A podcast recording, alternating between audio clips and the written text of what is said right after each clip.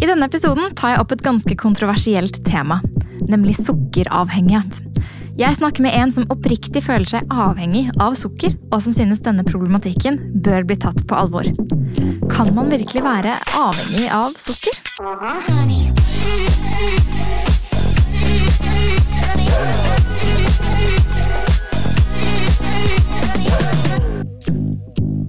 Det er mange som er skeptiske til sukkeravhengighet. Å kalle dette en avhengighet fordi det fungerer på samme senteret, det er, det er på en måte å plukke én liten del av hva som er avhengighet, og så si at fordi at det er liten sammenlignbar effekt akkurat i dette lille senteret, så er det en avhengighet. Mange av de studiene som er gjort, er jo rotter som ikke får mat, som sultes. Og så får de tilgang til sukker, og det er klart, da hiver de seg over det. Å tenke på mat som narkotika, det er å gå for langt. Dette var fra TV 2 Helsekontrollen april 2020. Likevel er det noen mennesker som ikke føler at det blir forstått når de sier at de rett og slett ikke kan spise sukker. Bente Josefsen har sin utdannelse fra avhengighetsmedisin med spesialisering i sukkeravhengighet, og startet sitt foretak Frisk uten sukker fordi hun mente det ikke var noen annen måte å få hjelp på i Norge for sin sukkeravhengighet. Men jeg kjenner også på en viss skepsis her. Er sukkeravhengighet egentlig en reell greie? Det har jeg lyst til å utforske i denne episoden. Jeg vil også gjerne legge til en liten trigger warning her, fordi vi kommer inn på temaer som omhandler spiseforstyrrelser, så du som har problemer med å lytte til podkaster podcaster som handler om det, burde kanskje heller finne en annen av episodene mine å høre på. Men da setter vi i gang! Du, kan ikke du bare starte med å fortelle litt om deg selv? Hvordan begynte du å liksom interessere deg for hva sukker gjorde med kroppen din? Ja, så jeg er jo eh, som mange andre, tenker jeg ofte, da. At man, altså, grunnen til at man fatter interesse for noe, er jo at man har en egen erfaring. Er det ikke sånn, Emilie? Jo, det er ofte det. Det er veldig ofte det. og det kan jo være en bra drivkraft også, at man har noen egne erfaringer. Og det hjelper jo i det arbeidet man gjør også.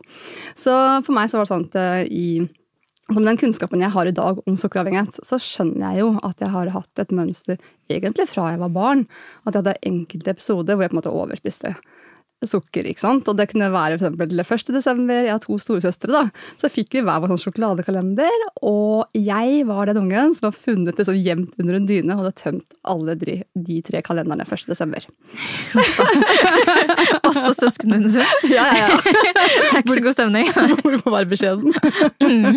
så jeg husker min mamma liksom måtte putte inn noe erstatning og teipe igjen disse lukene. Så ja, nei, jeg var ikke helt populær lillesøster den dagen. så, men, det, men jeg vet nå at var, jeg hadde noen sånn enkeltepisoder. Det var ikke sånn daglig at jeg fråtset i sukker hele tiden, men jeg hadde enkeltepisoder hvor det, jeg åpenbart overspiste, og jeg var nok også litt sånn ekstra på søkende skap og skuffer etter sånn kokesjokolade som var litt sånn godteri vi hadde uten noen lørdager da. Vi hadde ikke godteri liggende hele tida. Så, så, det ser jeg tilbake, men det var ingen som reagerte på det den gang da. altså Det ble sånn fleipa litt med. Eh, og, men så da jeg ble voksen, så begynte jeg å få litt sånn Det begynte å ja, Litt sånn rusk maskineri, ikke sant, og helsen begynte liksom å skrante litt. Og, men jeg tenkte jo det var normalt, men så la jeg så mye lett på meg. da, det var sånn evig jojo-slanker. Ti kilo opp og ned. Og hver gang jeg la på meg, så var det slank seg. Og når jeg var ferdig slanka, så måtte jeg jo belønne meg litt, for da hadde jeg vært så flink. Og så var det ti kilo opp. Så sånn holdt jeg på i ganske mange år. Og så i 2009 så, så la jeg plutselig på meg 30 kilo. Og jeg skjønte egentlig ingenting hva det her handlet om, og fikk veldig problemer med regulering av blodsukkeret. Så hver gang jeg spiste et måltid, så sånn, sank blodsukkeret veldig fort. Så det opplevdes som en sånn føling, da. For at det liksom var så raske endringer i blodsukkeret. Eh, og da gikk jeg først til fastlegen min, som sa at nei, men alt, alt er normalt. Og tenkte jeg, men det er jo ikke det, for jeg føler meg jo ikke bra. Det skal ikke være sånn. Så da oppsøkte jeg Fedor Lindberg-klinikken, som tok litt andre typer prøver og ser liksom, disse resultatene på litt annen måte. Eh, og da sa de at jeg hadde noe som het reaktiv hypoglykemi. Kan du kjenne til det, Emilie? Nei, du, det gjør jeg ikke. Du gjør ikke det? Nei. aktiv hyperglykemi. Hypoglykemi, ja. Altså, det handler, altså, dette her er, kan jo minne om en insulinresistens, altså hvor insulinet ikke virker så godt lenger.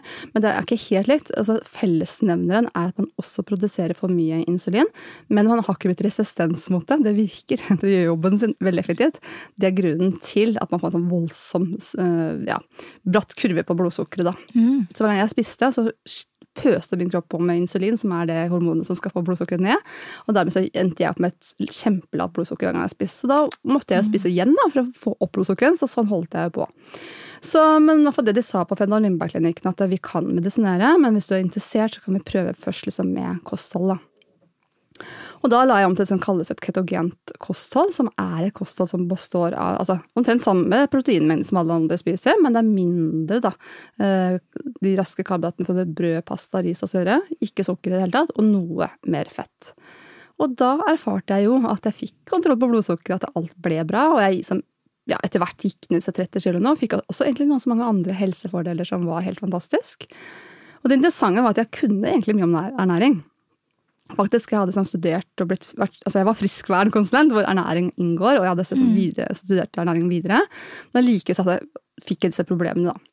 Men da jeg la om kosthold 2009, så fulgte det helt til punkt og prikke i fire hele år.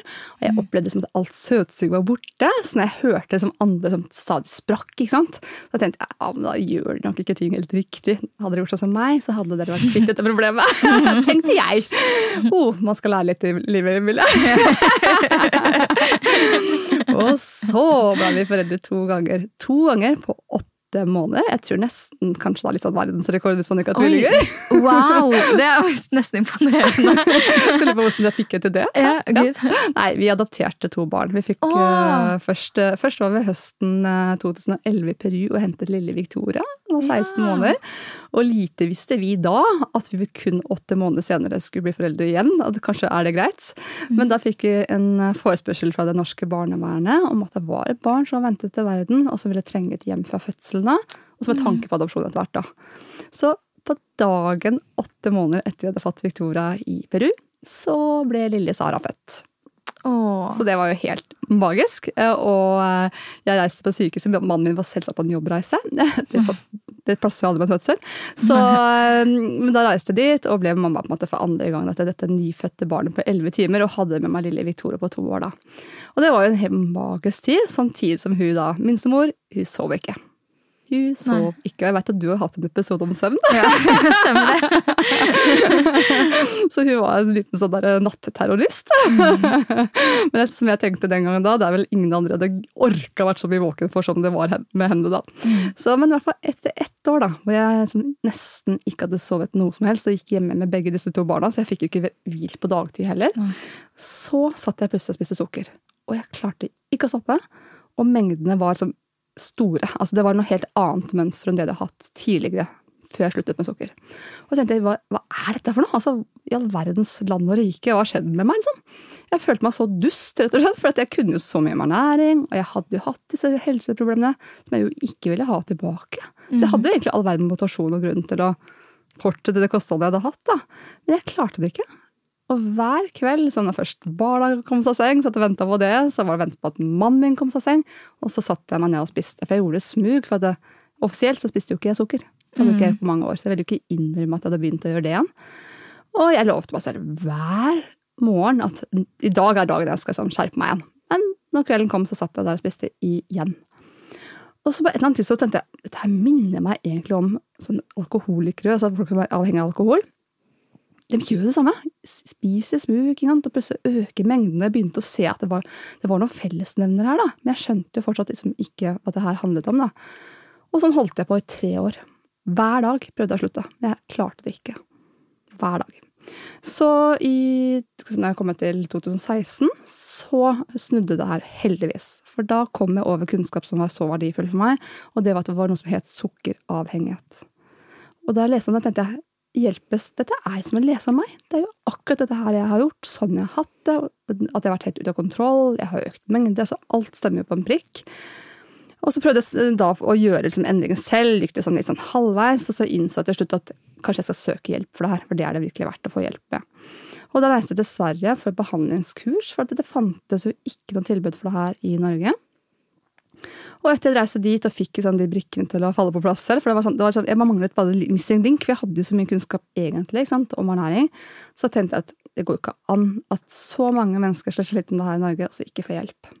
Og i og med at jeg har liksom, helsefaglig bakgrunn fra før av, så jeg det sånn naturlig da, å ta altså, det opp, samfunnsoppdraget, rett og slett. Satt, så jeg satte meg på skolebenken og studerte avhengighetsmedisin, og da med spesialisering på sukkeravhengighet. Men også med sånn oppmerksomhet på hvordan all avhengighet henger sammen. Det kan vi sikkert komme litt tilbake til. da. Og da startet jeg i 2017 selskapet Frisk uten sukker, som nå også har blitt et AS.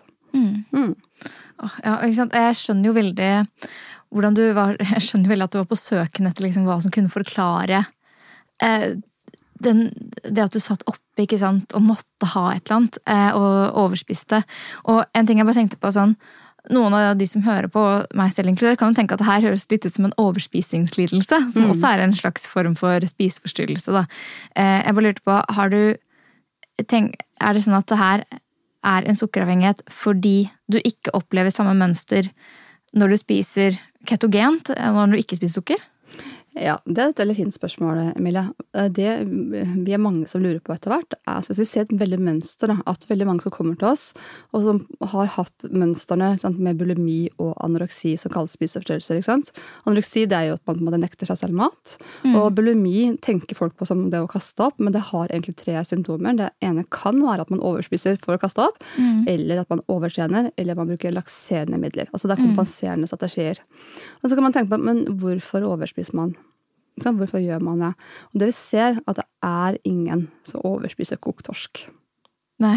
Eller brokkoli. Det skjer Nei. ikke, ikke sant? Ikke sant? Så når vi overspiser, så er det alltid enten i form av sukker, altså noe som inneholder sukker, eller kunstige søtningsmidler, eller andre raske karbohydrater som brød, pasta, ris, pizza, potetgull. Det er alltid dette som inngår når vi overspiser. Så, så det vi ser, i hvert fall at de som kommer til mitt selskap, da, at når vi på en måte altså da har vi noe kartlegging også, så vi behandler ikke disse uten å vite om det er en sukkeravhengighet eller ikke. Men når vi på en måte gjør det med vår kunnskap og tilnærming med sukkeravhengighet, så kan folk liksom bli kvitt det her som de har fått en diagnose på, Mm. som de kanskje har holdt på med 30 år, og så blir de sånn kvitt problemet. Altså symptomfri, da. Ja. Ja, symptomfri. Det er viktig å si. Jeg Så, så jeg, jeg tenker at ja, det, man kan ha en, ha en spiseforstyrrelse som er kun av psykisk betinget. Det går an, men da har man det gjerne i en periode i livet, og så blir man på en måte kan se kvitt det. Altså Det kan være fordi man har i ungdommen opplevd et eller annet press, og så videre. men hvis det er et mønster som følger deg gjennom livet, Ok. da kan det være nyttig å se på kan det være andre årsaker. ok. Mm. Kan du for- forklare litt, hva er sukkeravhengighet? Hvordan kan man liksom få den diagnosen? Ja. Så per dags dato så er det jo ikke, når vi bruker- begrepet diagnose, så er det jo ikke en godkjent diagnose. Nei. Men det betyr jo ikke at det ikke eksisterer. Og det betyr heller ikke at det ikke det kan bli en godkjent diagnose i fremtiden. For det, sånn er det jo med det meste som vi er skeptiske til. Det tar tid fra vi får forskning sant? til ting blir endret i praksis. Mm. Men det en sukkeravhengighet er, det er um, at belønningssenteret har en annen sensitivitet enn andre for å utvikle avhengighet. Og vi ser svært mange av de som kommer til oss, da, at de har noe avhengighetsproblematikk i familien. gjerne, For det er veldig genetisk betinget. Man kan ha foreldre sant, som har en eller annen type avhengighet. Det kan være alkohol, nikotin, piller, overtredning osv. Eller en tante, onkel, besteforeldre osv. Altså, svært ofte så ser vi at det ligger noe i familien familiehistorikken når vi kartlegger det. Og det som er at Når man har en genetisk sårbarhet for å utvikle da avhengighet, så er det sånn at det, problemet med sukker da, at det blir jo alle introdusert fra vi er barn. Mm. Ofte fra vi er kanskje ett år, så smaker vi på sukker. Is på 17. mai eller kake på ettårsdagen. Og Hvis man da har en sårbarhet for å utvikle avhengighet, så er det jo veldig vanskelig å unngå det. Når man blir dyttet i det. Og, det, og sukker tenker man jo på som kos, det brukes i alle sosiale sammenhenger. Det er utrolig tilgjengelig i samfunnet nå. da. Og barnet da blir jo eksponert for enda mer sukker enn det jeg blei da jeg var barn. Sant? Vi har en kjempekosekultur, og på bensinstasjoner så er det ikke tennplugger lenger, det er boller. Og så er det på måte overalt. Så, så når måte, man blir eksponert for det man kan utvikle avhengighet til, så er jo sannsynligheten veldig stor for at man gjør det. Men sånn som narkotika har jeg selv aldri prøvd, og heldigvis må jeg si. Mm. Eh, og det har jeg på en måte kunnet tatt et voksen, altså, mer voksen standpunkt til at jeg ikke ønsker å teste ut. Men sukker, det velger man på en måte ikke selv. Mm. Og da er man på en måte sjanseløs hvis man har denne sårbarheten for å utvikle avhengighet. Og så vet vi at all avhengighet henger sammen, for vi har, vi har bare ett belønningssenter som kan utvikle avhengighet, og det er der det sitter. Det er ikke i viljen vår. Eh, Og det handler om at hvis man blir eksponert for det man har en genetikk for å utvikle avhengighet til, så blir altså, belønningssenteret aktivert, som vi kaller det. Så det som rent fysiologisk skjer, for det er, dette er en fysiologisk respons i belønningssenteret, det er at når man har den sårbarheten, og sånn som jeg, da da jeg var barn så spiste jeg noe med sukker eller andre raske karbohydrater, så fikk jeg en helt annen respons i mitt belønningssenter enn de som ikke har det her. Så jeg utskilte mye mer av dette lykkehormonet dopamin som er nyttig. Vi skal ha noe, eh, mm. men vi skal ikke ha en overproduksjon. Fordi at når vi får en sånn kjempereaksjon i belønningssenteret, så vil hjernen søke tilbake denne opplevelsen gang på gang på gang. Mm. Og problemet da er at når man gjør dette over tid, så vil eh, etter hvert det bli for mye dopamin. For dette dopaminet skal fordeles på det vi kaller reseptorer i hjernen. altså sånne, man kan tenke seg sånne små skåler oppi hjernen. Så er det sånn at vi, I utgangspunktet så er ca. 50 90% av disse reseptorene, skålene vi har i hjernen, skal være i bruk. Resten skal bare ligge der i tilfelle du plutselig trenger det. De skal mm. ikke være aktive. Men når vi på en måte stadig kan spise, eller om du er avhengig av alkohol, hva du enn er avhengig av, får denne overproduksjonen av dopamin hele tiden, så plutselig tar vi i bruk flere og flere og flere av disse reseptorene. Og plutselig så er alle i bruk. Og da sier hjernen at dette går jo ikke. Dette er jo ikke bra. Mm. Og da har den en beskyttelsesmekanisme, og det er at den foretar det vi kaller en oppregulering. At den øker antall av disse reseptorene. Sånn at vi igjen på en måte har noen som er, står inaktive og ikke er i bruk. da. Men så fortsetter vi allikevel. Vi stopper jo på en måte ikke der, eh, for det er ikke noen måte å stoppe på allikevel. Med mindre man får hjelp når man er akkurat der. Mm. Så vi fortsetter da å spise eller drikke eller det vi driver med. Og da er det sånn at da, på et eller annet tidspunkt da, så har vi fylt opp alle de nye reseptorene også. Så sier hjernen at wow, dette her, dette her går ikke. Dette blir for mye for meg. Og da gjør neste fysiologiske ombygning, og det er det vi kaller en nedregulering av disse reseptorene, at den legger på sånn at, som et lokk over seg, da, så at ikke dopaminet kommer ned i disse. Og da får vi ikke lenger samme reaksjonen, ikke sant. Og da kan vi gjøre to ting. Og det er, dette er ikke noe vi foretar oss bevisst, dette bare skjer. Mm. Enten så får vi det vi kaller da, denne toleranseutviklingen som er til felles for alle avhengigheter, som jeg selv erfarte uten å ha noen forventning om det skulle skje meg, at man da øker mengden. Mm. Eller hvis ikke det heller gir effekt, så bytter man det man kaller utløp. At man kan gå fra sukker til alkohol. Eller man kan gå fra nikotin til alkohol. Man kan gå fra spill til shopping osv. Altså det her samhandler, da. Så det er eh, viktig kunnskap å ha, så man ikke bare bytter mm. problem. Ja, og man ser de samme fysiologiske endringene ved sukker som ved alkohol og nikotin, eksempel? Ja, det er riktig. Så det er, sånn, det er samme belønningssentre som blir rammet. Bare at mm. Hjernen har det vi kaller the drug of choice. altså Den har en sånn favorittrus. da, ikke sant? Mm. Og For noen er det sukker, for andre er det alkohol osv. Så, så ser vi at det, svært mange av de som måte har uh, avhengighet til f.eks. alkohol, de kommer til mitt selskap etter de har avruset, gjerne etter litt tid. Så sier de at nå gjør jeg jo akkurat det samme med sukker.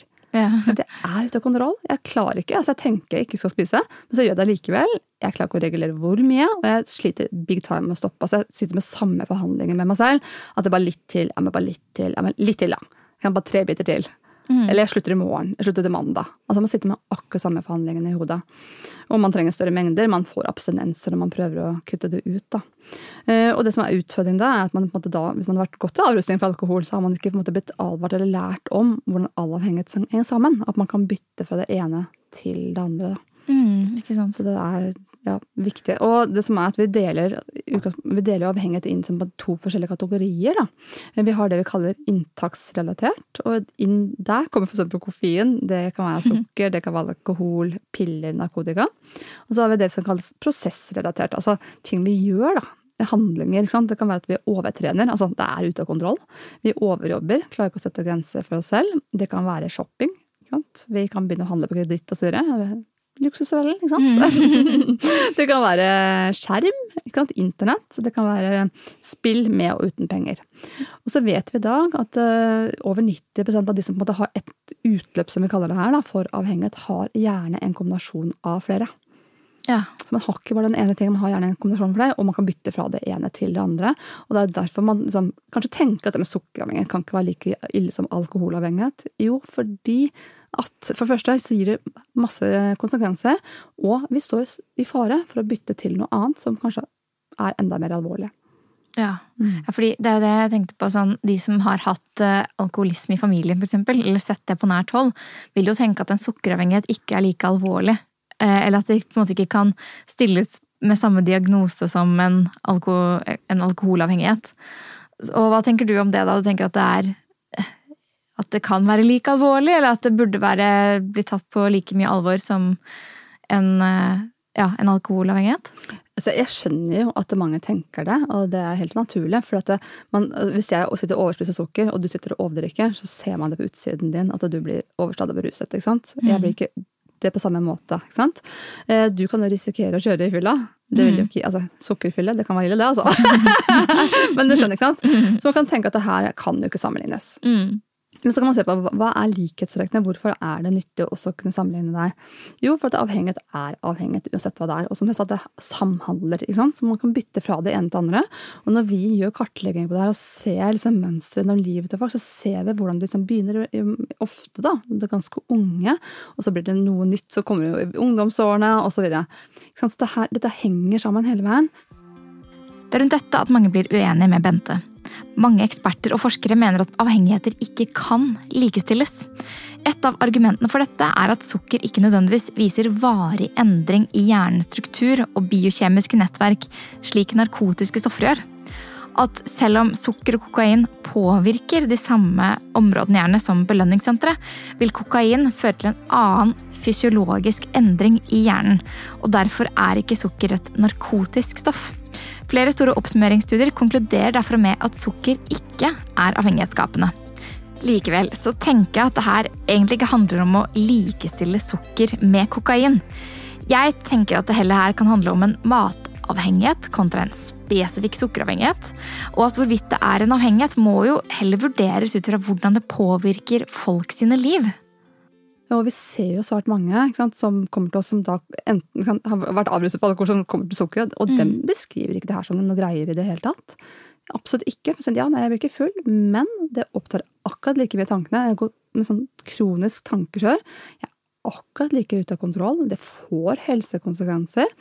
Jeg er dypt fortvila. Jeg blir deprimert av det her. For stort inntak av sukker påvirker eh, jo hjernen og den psykiske helsen. Og, og som det sier, at det, er, det skaper sug på alkohol også. Det holder belønningssenteret aktivt.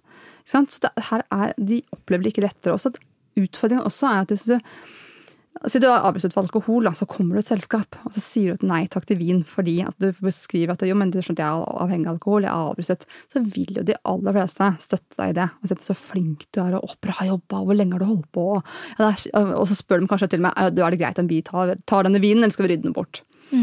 Så kommer man sukkeravhengighet, så får man sjelden den forståelsen. Da blir det mer sånn Nei, men så streng kan det jo ikke være. Og hvor lenge skal du holde på med det her? Ja, men, altså, det, er, er julaften, du må jo kunne kose deg.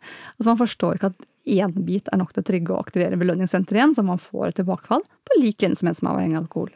Og dessuten, sukker er tilgjengelig overalt, som jeg også nevnte. ikke sant? Og det er sosialt forventet, det er sosialt akseptert, og det er jo også mye sukker i maten vi spiser. Mat må vi ha. Ja, fordi det, det, har jeg, det lurer jeg jo da på. Hva slags type sukker er det på en måte som, eh, som er problematisk for noen med sukkeravhengighet? Er det, er det bare det isolerte, raffinerte sukkeret, eller er det også sukkererstattere? Og er det også fruk, fruktsukker, for eksempel? Melkesukker? Sukkeret som er i generelt alle karbohydrater, som havregryn og sånn? Er det alle? alle som er alle.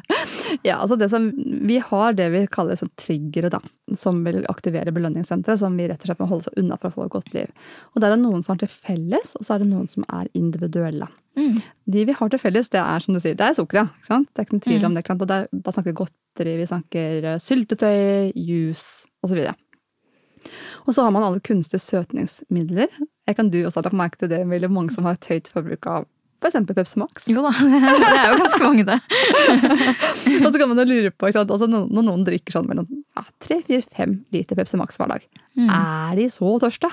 Men jeg hadde jo ikke drukket det hvis det var vann, på en måte, mest sannsynlig. Det, mm. Nei, så det er jo kanskje noe da med denne effekten denne Pepsi Maxen eller disse kunstige søtningsmidlene har på oss.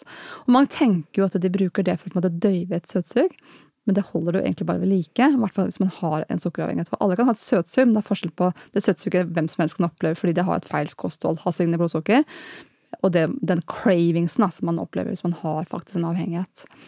Men så har vi da som sagt kunst- og søtningsmidler. Og da, det er der man kommer inn i det mønsteret at man bruker enorme mengder av eksempel Pepsi Max eller proteinvarer osv. med kunst- og søtningsmidlene. Og så har man det som er lagd av korn og mel. Altså brød, pasta, ris, eh, havregryn. Og også alt som, som inneholder veldig mye stivelse, altså andre raske karbohydrater som poteter, potetgull, altså kommer av det her, da.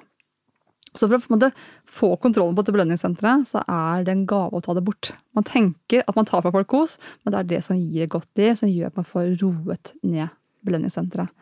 Men så har vi det vi snakker om, de individuelle tingene. Og da kan det for noen være meieriprodukter. Altså for det er kasomorfin i meieriprodukter, og det påvirker oss ulikt. Vi er ikke like på det. Så jeg tolererer meieriprodukter, men det er mange som ikke gjør det.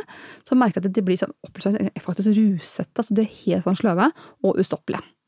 Så de overspiser ost i store mengder, fløte, rømme osv. Og, og da må de ta det bort. Men for de som ikke får den reaksjonen, så kan man beholde det i kostholdet, men gjerne da det som er uten sukker. Ja, For det er forskjellige mengder melkesukker også i ulike produkter. Ja. Men ville da f.eks. noen hos dere kunne stå, ende opp med å stå liksom, og drikke liksom, en hel liter melk? Er det der? på en måte? Ja, faktisk. Ja. Hvis man trigger på meieriprodukter, så er det helt riktig. Noen drikker like mye melk som andre drikker Pepsi Max, faktisk. Ja. Og igjen handler det ikke om tørst, det handler om et behov hjernen har. ja. Så det er ganske så interessant. Og som jeg nevnte at det er jo sukker utrolig mye mat også da. Over 80 av matvarene i dag er jo tilsatt sukker. Så man tenker, man kan man ikke spise noen ting? Jo, heldigvis kan man jo det. Men man skal være veldig oppmerksom på tilsatt mat, sukker i mat. Og klart at sånn type God morgen-yoghurt inneholder jo veldig mye sukker, så det er jo ikke anbefalt. Da bør man heller spise kanskje tyrkisk eller gresk naturell yoghurt og tilsette for eksempel bær selv, da. Men så er det sånn sånn kokt skinke inneholder jo også sukker. Ja. Har du lagt merke til det, Emilie? Ja, Det er veldig lite, da. Ja, det er veldig lite. Ja. Det er det som heldigvis er redningen her. Ja. At det ikke skal bli for sært. Så nei, så jeg, for jeg har prøvd å se om det går an å finne kokt skinke uten tilsatt sukker. Jeg, jeg har ikke funnet det. Har, har du? Jeg tror vel Kolonihagen kanskje har. Ja, Eh, kanskje. Den er ganske bra, mener jeg å huske. Ja, men hva med fullkorn, da? For eksempel helt sånn 100% fullkornsbrød eller 100% fullkorns eh, knekkebrød. Kan det også liksom trigge belønningssenter på den måten? Ja, altså sånn ha en sukkeravhengighet. Så, kan det Ja. faktisk det. Um, for at det altså på en måte kommer for korn og mel. Og så er det, dette her er ganske sånn komplisert og sammensatt. For at de som for eksempel er avruset fra alkohol, de skal faktisk ikke drikke hele alkoholfri øl eller de- sitte og mikse seg drinker som er med alkoholfrie. Så kan man tenke ja, men det er jo ikke alkohol, hva er problemet? Jo, fordi at det allikevel så ligger et minne i hjernen som er ganske komplisert. Og det, er, det som kan trigge det minnet, det er lukt, smak, konsistens og situasjoner. Ikke sant? At det, hver fredagskveld så jeg sitter og drikker en øl. Ikke sant? Og setter meg seg på samme plassen så prøver å erstatte det med da, eh, alkoholfri øl, så vil jo hjernen huske det, og så får man sug på alkohol. Og det samme er det hvis man på en måte har hatt altså, en overspising da, av type korn- og melprodukter som mange gjør. Og så prøver de på en måte å erstatte det med noe annet. Fullkorn, eller begynne å bake sånne frøknekkebrød. Lavkarbobrød med mandelmel osv. Så, videre, så vil det minne, også minne hjernen på. Så alt, også alt man er finmel, finmalt, da, blir problematisk for dette belønningssenteret. faktisk. Hvis noen har sukkeravhengighet, ikke ellers. Ja. Ja. Mm, skjønner. Men altså, hvis det er selve sukkeret man er eh, avhengig av, hvorfor blir man ikke, måte ikke sittende med en skje nedi en pose med sukker? Jeg har ikke hørt at liksom, det er noe så veldig mange sliter med. da. Nei, altså det trenger vi jo ikke. For, det, industrien har jo laget fantastisk mange andre ting som smaker bedre for oss. Sant, Sjokolade ikke sant? og masse annet som er søtt, som på en måte får en kombinasjon av flere smaker. Som gjør det enda mer innbydende enn det rene sukkeret. Men det er de som også gjør det. Og da jeg var barn, så var det vanlig å ha sukkerbiter hjemme. Det er ikke så vanlig nå lenger. Nei. Men det var det da. Veldig mange forteller jo at de var helt rå på de skålene. Og noen var sånn at de ville ikke bli tatt på fersken. Så det de gjorde var sånn at de satt og rista disse sukkerbitene. Så det skulle dette litt sukker, så spiste de det sukkeret, så la de sukkerbiten tilbake. Og så gikk de neste dag og gjorde det samme. For da minka liksom ikke nivået. Så man, man kan bli ganske kreativ. Denne ukens annonsør er min kjære Coop Mega. Jeg er stolt ambassadør for denne butikken, og det er ikke uten grunn. De er veldig opptatt av å fremme bærekraft, f.eks. ved å gi medlemsbonus på økologi og vegetar, og de har et enormt utvalg av nettopp dette. Jeg har et eget høydepunkt på min Instagram som heter Vegetardag, der jeg har samlet noen av mine beste vegetaroppskrifter til deg som ønsker inspirasjon til grønnere måltider. Og selv om jeg er en person som elsker å bruke tid på kjøkkenet, så har jeg også dager der jeg trenger at ting går kjapt. Da er jeg veldig glad i vegetardagmerket som man finner hos Coop Mega.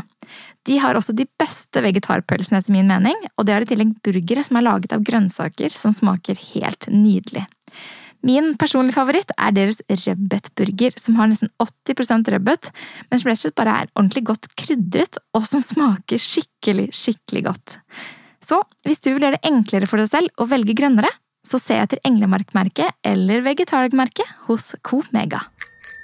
Men det er jo den kombinasjonen av fall sukker og fett er jo ganske identisk den man finner altså Det eneste andre stedet i naturen man finner den kombinasjonen, ikke sant? det er jo i morsmelk. Ja, det, Men er det ikke rart hvis kroppen har laget en slags avhengighet til sukker som man jo finner i morsmelk? Man ønsker jo ikke å bli Altså, ingen babyer overspiser, ikke sant, på morsmelk. man kan prøve å overføre det unge, det er ikke så lett. Nei, ikke sant? For å si det. Nei, altså det som er, det som er sånn fra opprinnelig, så er det riktig at man fikk denne morsmelken, og man skal på en måte stimulere Man skal stimulere ikke sant? at barn har appetitt og ikke sant. Men da når man liksom var ferdig med denne morsmelken, så var man ferdig med den. Ja. Da fikk man ikke fort, Hadde man fortsatt med morsmelk hele livet, så hadde man kanskje fått et problem. Mm. Eh, Men den gang da, altså da mennesker levde i pakt med naturen, så kunne man jo spise det man kunne jakte, sanke. Sant? Det var jo kjøtt, det var fisk, det var skalldyr, det var frukt og bær i sesong, men ikke, ikke året rundt. Nei, ja. Vi spiste jo ikke fem om dagen i desember, i hvert fall i Norge. Nei. Ikke sant? Og vi hadde ikke 7-Eleven, vi hadde ikke kjøleskap og frysere. Så vi spiste det naturen ga oss, og da var det nyttig respons at jeg fikk litt sånn ekstra gledesfølelse av å innta noe søtt. Og det kunne være frukt, det kunne være bær, og det kunne være honning. Det er jo så stort sett det mennesket hadde tilgang til etter vi sluttet å amme. Eh, Men det var jo da ikke året rundt. Ikke? Og da blir jo ikke dette belønningssenteret så mye aktivert at det utvikler seg til å bli et problem. Nei, Men sånn som i dag, så har vi, vi spiser for mye korn, spesielt i Norge. Gjør vi det? Korn og mel. Eh, Bare gå til Sverige, så har de helt annet forbruk av det. Der spiser de varm lunsj, du spiser ikke brødmat til lunsj. Nei, ja. Så vi har i Norge en unik kultur faktisk på det. Og så ser man også sånn som i USA, så vi, i dag så spiser en gjennomsnittsamerikaner 17 til 23 ganger om dagen. Det er jo gjerne produkter som Antall ganger? ja, antall ganger. Og det er, ikke- det er, ikke, ja, det er Wow. vanvittig, ikke sant? Og det er ikke måltid de setter seg ned og spiser, men de går og spiser på farten hele tiden. Ja. Og da er jo ikke det heller kokt torsk, ikke sant? Men Nei. det er jo gjerne noe som inneholder kanskje en kombinasjon av korn, sukker, ikke fett, donuts for eksempel, Mm. sjokolade. Så du går og spiser hele tiden. Så ja. Mm, jeg skjønner. Men altså eh, Hvis man selv måte, nå sitter og lurer på om man er sukkeravhengig, er det, hvordan måte, diagnostiserer man det? ja. Altså, det som er så interessant, er at Verdens helseorganisasjon, WHO, Mm. eh, har seks kriterier for avhengighet. Og det er akkurat samme kriteriene uansett hva det, hva det handler om. Om det er noe nikotin okay. eller sukker osv. Så, videre. så deler man sånn det inn i tre kategorier. Eh, Og det ene går på det fysiske. Og det fysiske går da på om du, om du eh, får abstinenser når du kutter ut. Sant? Prøver du å ta bort sukker og andre raske så hvis du opplever at du får abstinenser, så er det et liksom, varsko.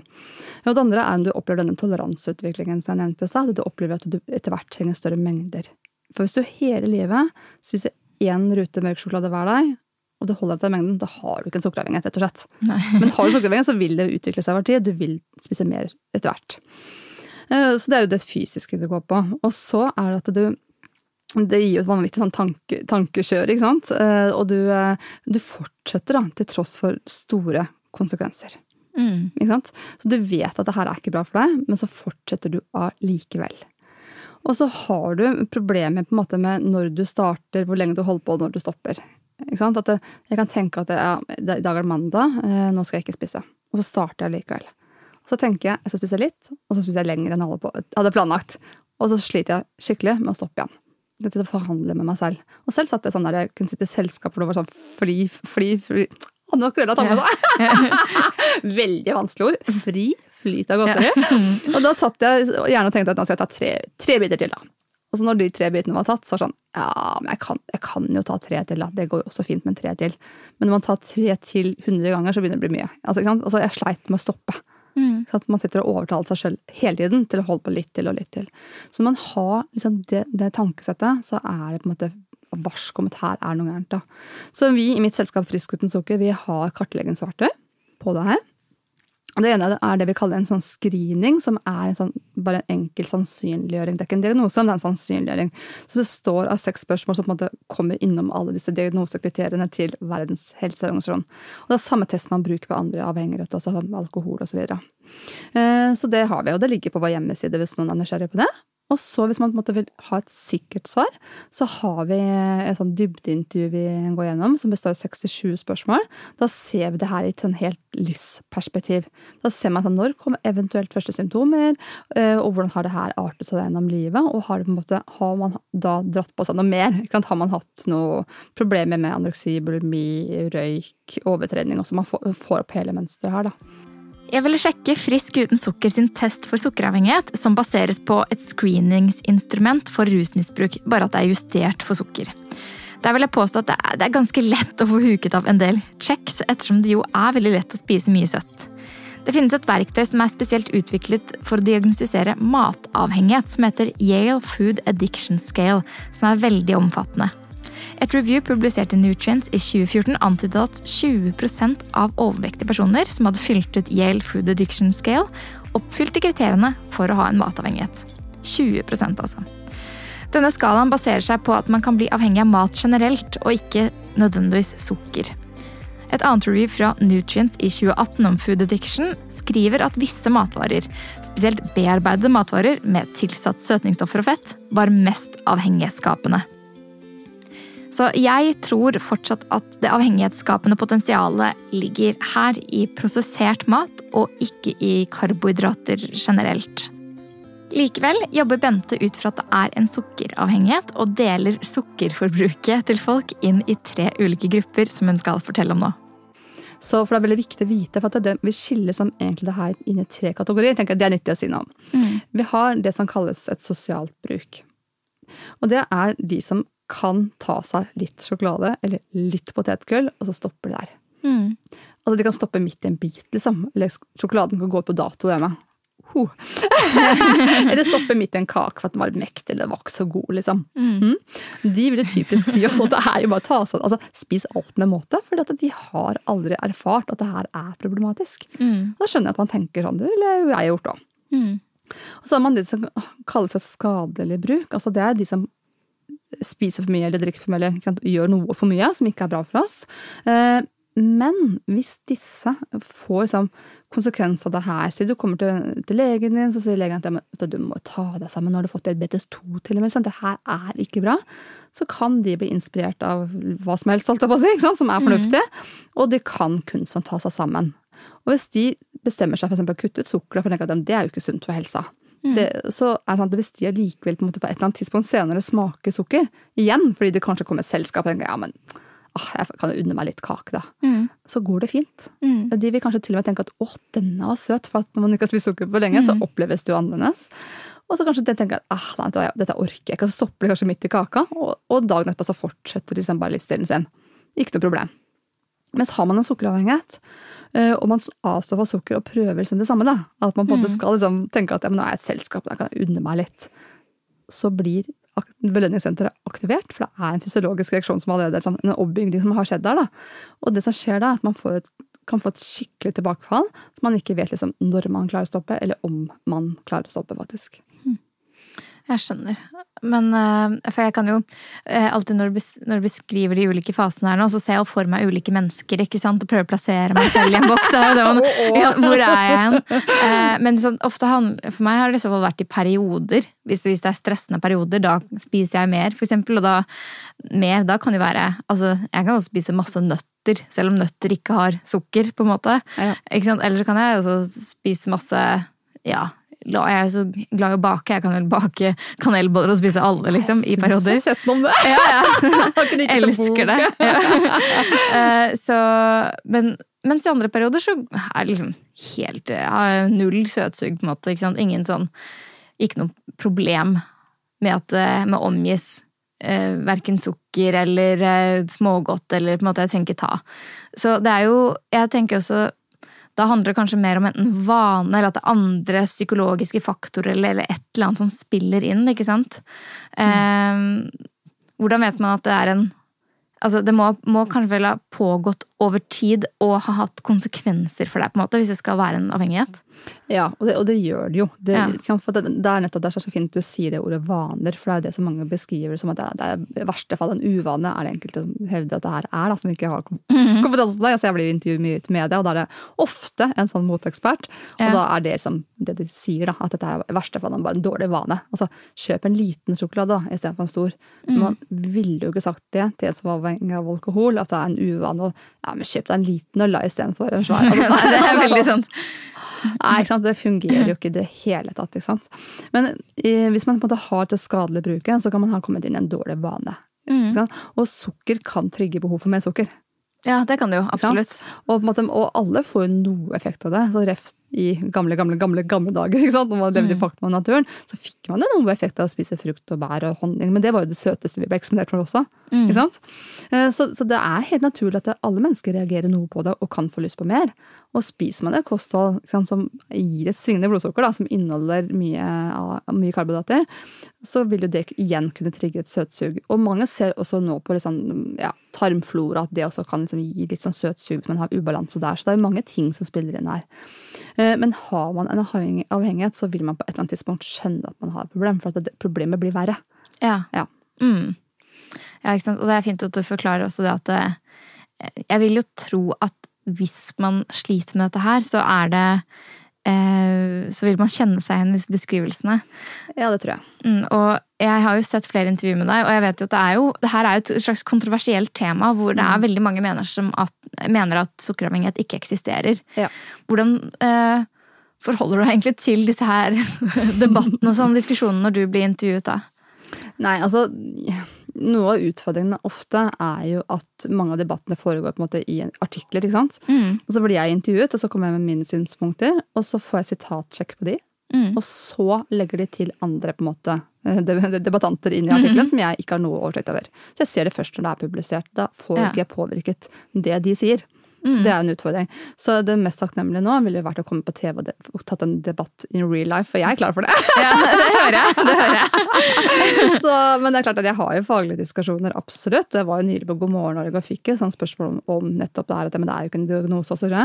Men vi ser det på veldig mye annet også, ikke sant? at det tar tid å akseptere ny kunnskap. Sånn er det, vi endrer ikke praksis over natta. Mm. men det er mye forskning på det her, og så tenker jeg at det er sånn som for min del, på en, på en måte så er jeg glad jeg har det selv, for at da kan jo ingen fortelle meg at det ikke eksisterer. Mm. Mine opplevelser kan ingen ta fra meg. Og jeg kunne, før jeg hadde noe kunnskap om sukkeravhengighet, eh, så erfarte jeg alt dette. Og så fikk jeg kunnskap, og så så jeg disse diagnosekriteriene til WHO. Og så tenkte jeg jeg, har, jeg kan krysse det på alle seks. Jeg hadde aldri noen forventning om det. Og det, så det hele mønsteret kan forklares. ikke sant? Og så jobber jeg jo med å hjelpe mennesker i dag, og jeg ser jo hvordan disse her på en måte blir symptombehandlet i helsevesenet i dag. Mm. Men ikke ta kjernen, på en måte. Nei, ikke ta kjernen. Og så, og så tenker mange sikkert at, um, at man må bli overvektig av en sukkeravhengighet. Men, men det må man jo ikke. Jeg ble det, men alle blir ikke det. Og det handler både om genetikk, at vi, sant, noen har lettere anlegg for å legge på seg enn andre, men også disse kompenserende strategiene som jeg nevnte for deg i stad. At man mm. sant, overspiser, og så gjør man noe annet etterpå for å prøve å kvitte seg av med der. Ja. Uh, som gjør at noen ikke da legger på seg av den grunnen. Ikke sant? Men det som vi også ser, som er ganske interessant, som jeg syns man bør kunne reflektere over, er jo at det, er jo nå mer og mer vanlig å bli slankeoperert. Ja, Det øker jo kraftig. veldig. Og så kan man tenke, hva, hva kommer det av at så mange mennesker må opereres? Altså, hvorfor tar de seg ikke sammen Emilie, på et eller annet tidspunkt før man legger seg under kniven?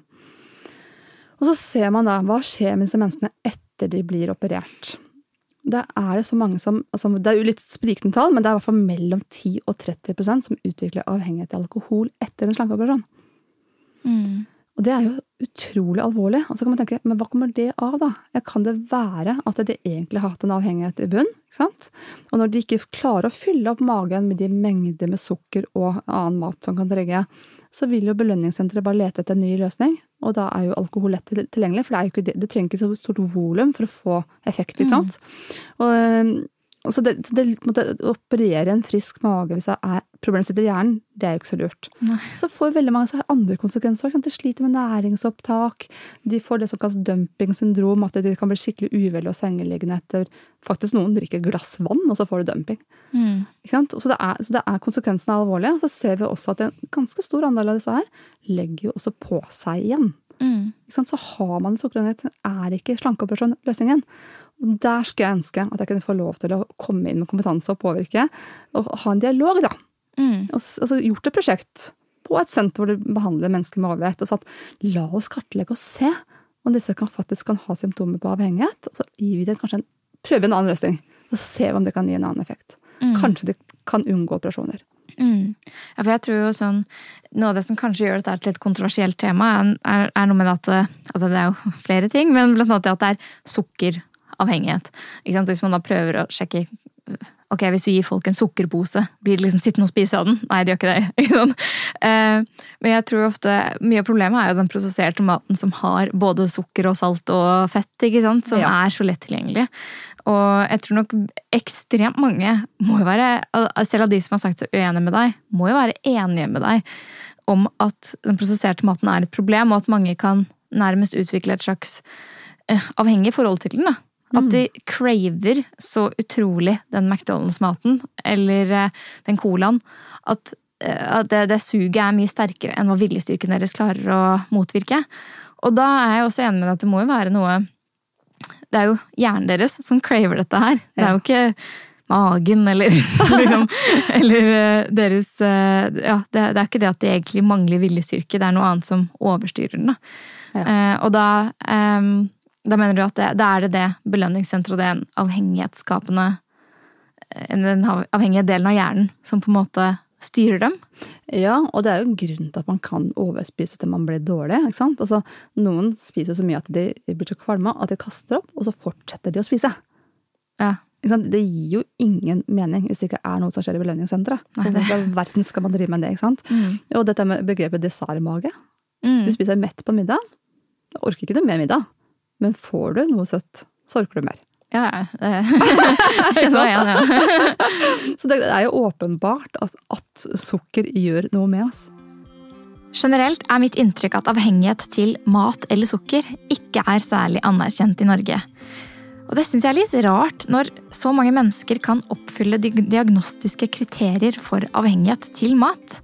De som opplever seg avhengige, de føler at lysten til å spise det søte er så sterk at de ikke klarer å stå imot. De spiser til de er kvalme, og de ender opp svimle og aggressive når de lar være, og spiser stadig mer av den maten de craver. Burde man ikke ta slike personer på alvor og skjønne at deres vanskelige forhold til mat er reelt, i stedet for bare å tenke at de skal skjerpe seg, og at det ikke er en avhengighet? Jeg tror at løsningen på enhver eh, sånn her form for avhengighet er litt ulik. Eh, Og at for noen så kan det kanskje bare hjelpe i å ha psykologsamtaler, finne ut hvor på en måte dette her kommer fra, om man har eller annen, et eller annet traume man prøver å dekke over med mat. Men for andre så tror jeg også det kan hjelpe å finne ut er det kanskje sukkeret da, som gjør det store utslaget her. Personer som kjenner seg litt sånn trigget da, av sukker og sukkerholdig mat. Og da kanskje løsningen rett og slett er å teste et litt mer sukkerfritt kosthold og kjenne om det er noe der. Og det burde være større aksept for, mener jeg. Dessuten så har jeg hørt et podcast-intervju med en som heter Gabor Maté. En kjent avhengighetsekspert. Han ønsker at vi skal ha et mer medfølende tilnærming til avhengighet. Addiction is not a choice, sier han.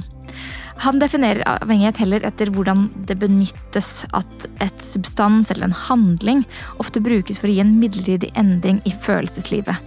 And what the addict is after is that temporary change in brain status. Really, what it is, all addictions are an attempt to regulate an unbearable emotional state internally. But you're trying to regulate your internal state through external means. And that's what an addiction is. So temporarily, you get a change in the state of your brain, in a change of your physiology. You can do that through drugs. You can also do it through gambling or internet or sex or shopping. But essentially, after that same revitalization, of your incentive and motivation circuitry of your brain. And so, from my perspective, there's only one universal addiction process that dominates all addicted people. The targets of addiction may be different, the internal effects are much the same. Dette var fra episode 37 i podkasten til dr. Ranjan Chatterjee, Feel Better, Live More. Den anbefales veldig til deg som vil høre mer om dette temaet. For eksempel, du kan spise sukker hver dag og ikke bli avhengig. Du kan ikke ta kokain hver dag og ikke bli avhengig. Så jeg er for så vidt enig med eksperten i starten av denne episoden. sånn sett. Men avhengighet handler ikke om å likestille sukker med kokain, eller bare se på sukker som en substans i seg selv og hvordan det påvirker oss.